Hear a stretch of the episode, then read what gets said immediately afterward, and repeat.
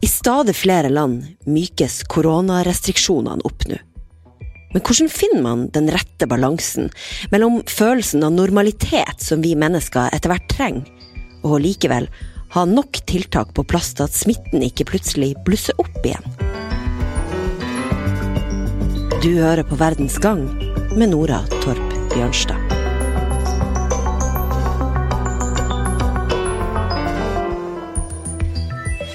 Fra 20. april vil vi åpne opp landets barnehager. Fra 27. april skal elever fra 1. til 4. trinn tilbake på skolen og i SFO. Det var så etterlengta for veldig mange. Endelig, i hvert fall et skritt nærmere den hverdagen vi kjente. Den med frihet, sosial omgang, litt arbeidsro og frisyrer i orden. Men hva avgjør egentlig at det var akkurat nå statsminister Erna Solberg letta på akkurat de her smitteverntiltakene? Når ledere i andre land i Europa vurderer restriksjonene vi møter pandemien med som fortsatt helt nødvendig å ha på plass. Torgeir Kolshus er førsteamanuensis i sosialantropologi ved Oslo OsloMet. Han har fulgt samspillet mellom myndigheter og innbyggere i denne koronakrisa med interesse. Torgeir, takk for at du er med oss. Det virker som at tiltakene nå har en effekt, og at smitten går ned i Norge. Hvordan unngår vi nå at alle bare slapper av og blir uforsiktige? Det viktigste er å være tydelig på at uh, den belønningen de kjenner på nå, altså det at ting faktisk har gått bedre, det er en konsekvens av at vi har vært flinke. Uh, og Det er kjempevanskelig å formidle det på en måte som gjør at vi ikke bare det blir totalt frislipp, Eh, men det at det blir sagt på den måten, altså det at uh, helsemyndighetene og regjeringen også har vært, har vært liksom som deg og meg. ikke sant? Forvalter en viss usikkerhet og, og si, kjenner igjen våre behov og slik. Det har, at, det har gjort, gjort at vi har liksom vi har følt oss, vi har vært i samme båt. Og det gjør også at vi har tillit til dem når de sier at ok, selv om det kanskje nå kjennes trygt og vi ser at en veldig veldig god utvikling i antallet nye smittede, og at det er få intensivbehandling og at også dødstallene er relativt lave, så, så er det viktig for oss å ta inn over oss at stø kurs faktisk er det rette. Så det er ikke, det er ikke liksom, vi, vi, er over den verste kneika, men det betyr ikke at det ikke er motbakker igjen. Og vi kan gjøre de motbakkene mindre ved å lytte enda bedre til rådene. Hvis det hadde vært aller sikrest å ikke omgås med noen andre, og ikke gå i butikk og ikke sende barn i barnehage og på skole frem til alt det her er over, hvorfor går ikke myndighetene bare ut og forbyr det her? Som for å være på den sikre sida? Det må knyttes til det tillitsforholdet vi har til myndighetene. og Det er ikke, det om ikke det er særnorsk, så er det i hvert fall ganske særnordisk. Um, og Det betyr også at det tillitsforholdet går begge veier. Sånn at myndighetene og regjeringen kan stole på at vi gjør det som de anbefaler. og Da trenger man ikke å legge inn en ekstra sikkerhetsmargin. Det blir ikke en forhandling på den måten at man, hvis vi sier kjempemye og så ender vi opp med akkurat passe. Sånn er det ikke forholdet mellom mellom norske borgere og norske myndigheter. Og Det er et stort pluss i denne situasjonen. Eh, fordi ser, De aller strengeste tiltakene som er, som, er, som er, innført i en del europeiske land, og som ble innført også i Wuhan etter, etter en viss tid, det er jo helt uhyrlig for oss Altså det ville, det ville vakt eh, ramaskrik rundt omkring i, i, det norske land. Ikke bare fordi eh, det er som, i utgangspunktet en stor inngripen i det vi tenker på og verdsetter som personlig frihet, men også fordi det bryter så radikalt med vane. Ja, For å følge opp det, så er jo Sverige et land som har en strategi veldig ulik andre land. Mm hvert fall de svenskene som jeg har snakka med, forklarer det med at de har så god kultur for å være lydig mot myndighetenes anbefalinger. En slags sånn frihet under ansvar, kan du si. Hvorfor har vi ikke gjort det samme i Norge? Vi er vel ganske like svenskene på mange vis ellers? Ja, Vi burde ligne på svenskene, og så ligner vi litt på danskene, og så ligger vi et sånt sted midt imellom. Det er det alle, som, alle gode nord, store, store nordenforskere har kommentert. Danskene er mer, er mer anarkistiske, de trenger tydeligere retningslinjer. Svenskene er veldig bokstavtro, og de kan nettopp da ta, bli tatt på altså de tar, eh, de tar forskriftene for det som blir sagt, og de følger dem. Eh, det er slående forskjeller ved fotgjengeroverganger i Norge og Sverige f.eks. Hvis det ikke kommer noen bil, selv om det er rødt lys, så går man over i Norge. Det gjør man sjelden i Sverige. Det er litt regionale forskjeller, men det er sjelden å se svensker gå på rød, rød mann, eh, selv om det ikke er en bil i mils omkrets. Så er en, Der er det også en eh, små, små kulturforskjeller mellom, eh, mellom, de nordiske landene, som åpenbart også får konsekvenser for hvilke, hvilke råd og retningslinjer som blir gitt. Ja, det her leder oss jo inn på Kan du si hvilke kjennetegn ved samfunnet vårt som avgjør at Norge har valgt den strategien vi har? Det har vært noen avgjørende øyeblikk. Eh, I den første pressekonferansen så var man veldig tydelig på at vi har vi har, vi har, tatt feil. Vi har undervurdert hvilke konsekvenser denne, eh, denne epidemien kan få. Eh, og det var helt avgjørende for at vi skulle være med på den, det, det, som kom. Kjære alle sammen. Disse siste dagene har vært eh, helt uvirkelige for meg. Og det har det sikkert også vært for alle dere andre.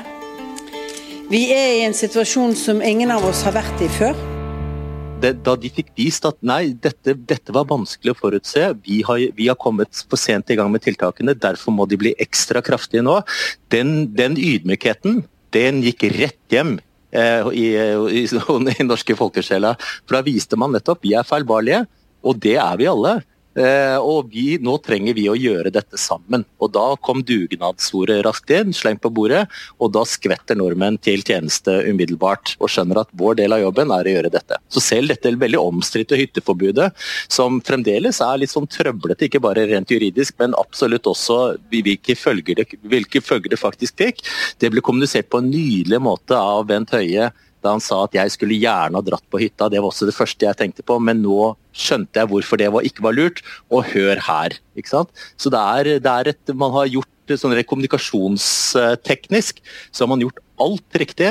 Man har brukt, man har henvendt seg både til folks hoder og folks hjerter. Og da funker budskapet, og det sitter på en annen måte i kroppene våre enn det det ville gjort ellers. Hvis man bare hadde henvendt seg enten til det store krisescenarioet som er, går på redsel, eller bare til den rent intellektuelle siden vår. Selv om vi alle nå har blitt små epidemiologer i løpet av disse fem-seks ukene, så, så, betyr ikke det at vi kan håndtere informasjonen på den måten som vi nok strengt tatt burde. I Kina har forskere ved universitetet i Huabei allerede gjort en studie om de mentale konsekvensene som karantenetiltakene har hatt for kineserne. Av de rundt 1200 som var med på studien etter to uker i lockdown, meldte 16,5% om alvorlige depressive symptomer, og litt over 8% sa at de hadde alvorlig angst. De fleste av de her tilbrakte mellom 20 og 24 timer hjemme hver dag. Torgeir, hvor lenge kunne vi holdt ut å leve under strenge restriksjoner? Det er veldig vanskelig å si. Eh, men for at man skulle kunne forstå det, så må man tenke på hva vi er vant til. Og i Wuhan så er man, en, som er en kinesisk storby, selv om den etter kinesisk vannstokk er liten, så er man vant til å bli regulert. Man altså beveger seg på en måte mer hensynsfullt, da misforstå meg rett, i det sosiale landskapet enn det, vi, enn det vi er vant til selv i Oslo. Det gradvise frislippet vi opplever nå, den lille, altså det at vi er litt anarkister også, det har vært kjempeviktig for å kunne bevare troverdigheten til de tiltakene som kommer. Og det at vi nå slipper opp litt, det er også en viktig del av det at tiltakene skal fortsette å være troverdige for oss. De seks ukene som har gått nå, etter den torsdagen hvor alvoret for alvor senket seg over landet, det har vært veldig interessante uker. Eh, men jeg tror ikke hvis, de ikke hvis de ikke hadde sluppet opp hytte, hytteforbudet nå de, denne uken, så tror jeg nok det ville blitt eh, alvorlig sprik. Ikke bare i tillit mellom folk og regjering, men kanskje enda større grad mellom by og land, og mellom nord og sør. Dere forskere har funnet ut at vi i fellesskapet faktisk reagerer ganske forutsigbart på en krise som det her. Såpass at dere kan dele forløpet inn i helt sånn konkrete faser som vi går igjennom. Kan du si litt om det? Det er en, eh, en antropolog som heter Victor Turner, som, som først hadde feltarbeid i, i Zambia, og, og så hvordan, hvordan, konflikter fulgte et veldig gitt forløp hver gang. Og så begynte han etter hvert å studere dette mer historisk, eh, bl.a. i de islandske ettersagaene. Eh, og så begynte han å Kanskje det er noe enda mer dyptliggende her. og og dette er blitt overført og testet i ulike situasjoner. Og jeg har brukt det nå ganske aktivt i forståelsen av korona, koronaforløpet her hjemme. Og de er slående likheter. Altså Man har først et brudd som skjer plutselig. Og det er det vi, det, det vi så på denne, denne pressekonferansen. Og plutselig så blir alt det vi tok for gitt, også mulig å forhandle om, også mulig å endre på. Eller så blir det satt til side. Altså Veldig mange av de tingene som vi vanligvis liksom ikke tenker på eh, i det daglige, var noe som Oi, dopapir! ikke sant? Ok, jeg har tenkt på dopapir, men det er ikke sånn at hva er dette, skal, skal jeg ha så og så mye mat hjemme? Hvorfor, hvor glad var jeg egentlig i, i den, den, lille duppeditten som, som, nå har gått i stykker, og som jeg ikke får kjøpt fordi at nå er forsyningslinjen nede. Altså Man blir klar over en del ting som man ikke tidligere var klar over.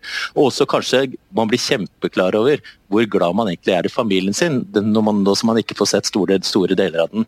Så dette, Sånne kriser er liksom samfunnets storrengjøring, hvor vi får tittet i kroker og kriker hvor vi vanligvis ikke ser, og får rønsket opp i en del ting, og samtidig også kanskje kjent på, på intenst savn.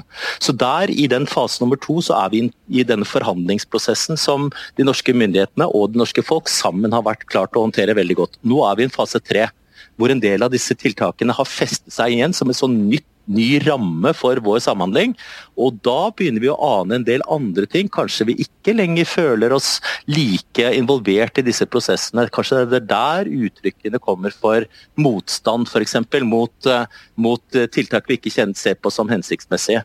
Og så etter hvert, når, fri, når, normaliseringer begynner å tilta, så er vi tilbake i fase fire, som ikke er bare tilbake til der vi var, men vi tilbake, vi, det vi kommer tilbake til, er et endret samfunn. Et samfunn som er endret på noen grunnleggende måter, kanskje spesielt i bevisstheten rundt at vi er avhengig av veldig mange folk som vi ikke har tenkt på at vi er avhengig av før. Både de som står og, eh, som står og fyller inn hyllene våre, og også de som står og lager de, de tingene som jeg er helt avhengig av for å få for å fungere i dagliglivet, men som kanskje befinner seg en 10 000-12 000 km unna. It's the end of a very, very long six weeks for more than 7 million children in Spain. Since March 14th, children under the age of 14 have been banned from leaving their homes, regardless of the reason. No errands, no walking the dog, and no playing outside. I flere andre europeiske land mykes det nå litt. I Danmark og Norge har jo barnehager og småskoler åpna. Også frisører og en del annen personlig pleie åpner så smått nå. I Østerrike tillater man nå små butikker å gjenåpne. Og fra og med 1. mai kan østerrikerne hygge seg med utendørs sporter som tennis og golf. I Spania tillates nå bygge- og konstruksjonsarbeid. Og unger som ikke har fått gått ut siden 14. mars, fikk fra i går, mandag, endelig litt luft, som statsminister Pedro Sánchez formulerte det, skriver BBC. Me gustaría anunciarles que si la evolución de la pandemia prosigue en un sentido positivo como lo está haciendo hasta ahora I det hardt ramma Italia har enkelte bokhandlere og barneklærbutikker fått lov til å åpne nå. Frankrike derimot holder fast på sine strenge regler om portforbud minst fram til 11. mai. Og nabolandet Belgia åpner ikke butikker før da heller. Belgiske unger må vente ytterligere en uke, til 18. mai, før de får begynne på skolen igjen, og kafeer og restauranter der forblir stengt frem til 8. juni.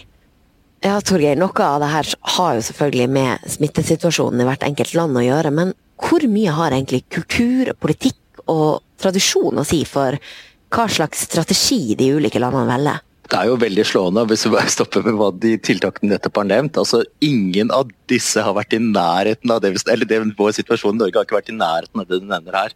Eh, og Noe av grunnen er nettopp det jeg har vært gjennom tidligere, at vi har en kultur for å ha tillit til styresmaktene våre. og Det betyr nettopp at vi ikke trenger å legge på den ekstra dimensjonen for å få liksom, folk inn på et noenlunde riktig spor. Så det at italienere, som jeg er, er veldig veldig glad i. Jeg skulle hatt feltarbeid i Sør-Italia, tilbrakt veldig mye tid der. Eh, men de har en grunnleggende anarkistisk holdning til alt som kommer fra, fra myndighetene. Eh, med en viss eh, berettigelse, rett og slett fordi at korrupsjonsnivået har vært, spesielt i sør hvor jeg har jobbet, har vært veldig veldig høyt. Og også at det meste som ses på som tiltak, det kommer det tilgodeser de som bor i nord, slik det ses fra, fra, på fra sør. Men det vet, vet også myndighetene når når, eh, når, de må, når, de må, kommunisere dette. Så da må man ta dette ekstra. Og hvis da folk ikke følger opp, så må man sette inn hær og politi og være rett og slett altså litt sånn gammel ultraautoritær rettsstat. Veldig synlig tilstedeværelse. Dette gjør selvsagt at uh, rammene for hva som kan gjøres og ikke gjøres, de endrer seg etter nettopp med utgangspunkt i den faktoren tillit eller ikke tillit. Um, jeg har kolleger som, jeg traff en fransk kollega her om dagen, som han bor i Norge, men han er sjokkert over å se liksom, fuglefjell av eh, nordmenn i parkene f.eks. og tenker dere er klin gærne. Altså, dere er nesten ansvarsløse. Hva er det dere driver med? Nettopp med henvisning til hva han har sett og fått blitt fortalt av sine slektninger og kolleger i Frankrike, hvor det er helt andre, helt andre syn som møter en. Vi kan spankulere nedover Karl Johan, og det er det er, ikke, det er på langt nær like fullt av folk som det har pleid å være, men det er ikke folkdom på noen som helst vis, sammenlignet med eh, spesielt sammenlignet med hva man ser med sånn bildene fra Champs-Élysées, som er en vanligvis en stort sett en bilbelagt gate. Nå er det rett og slett en, det er et sted å promenere. Og så da til slutt de 10 000 kroner-spørsmålet. Hvordan finner myndighetene den rette balansen? Mellom hva vi mentalt trenger av følelse av fremgang, men allikevel at vi ikke åpner så mye opp at det forverrer smittebildet? Der må myndighetene ha hjelp av oss. Og der er det vi så heldige at det ikke er noe stor forskjell. eller stor, Det, noen, det oppleves ikke som noen avgrunn mellom myndighetene og oss, nettopp fordi at de har vært så flinke til å kommunisere at vi er i den samme båten. Så vi har vært ganske nabokjerringete nå en eh, tre-fire ukers tid. Og så har det begynt å dabbe av. Nå er liksom pekefingeren er ikke like, er ikke like, Det er ikke like lett å rette pekefingeren mot, uh, mot uh, ansamling ungdommer som står litt for nærme hverandre, eller sånn som det var. Altså det, og det tror jeg er et sunnhetstegn.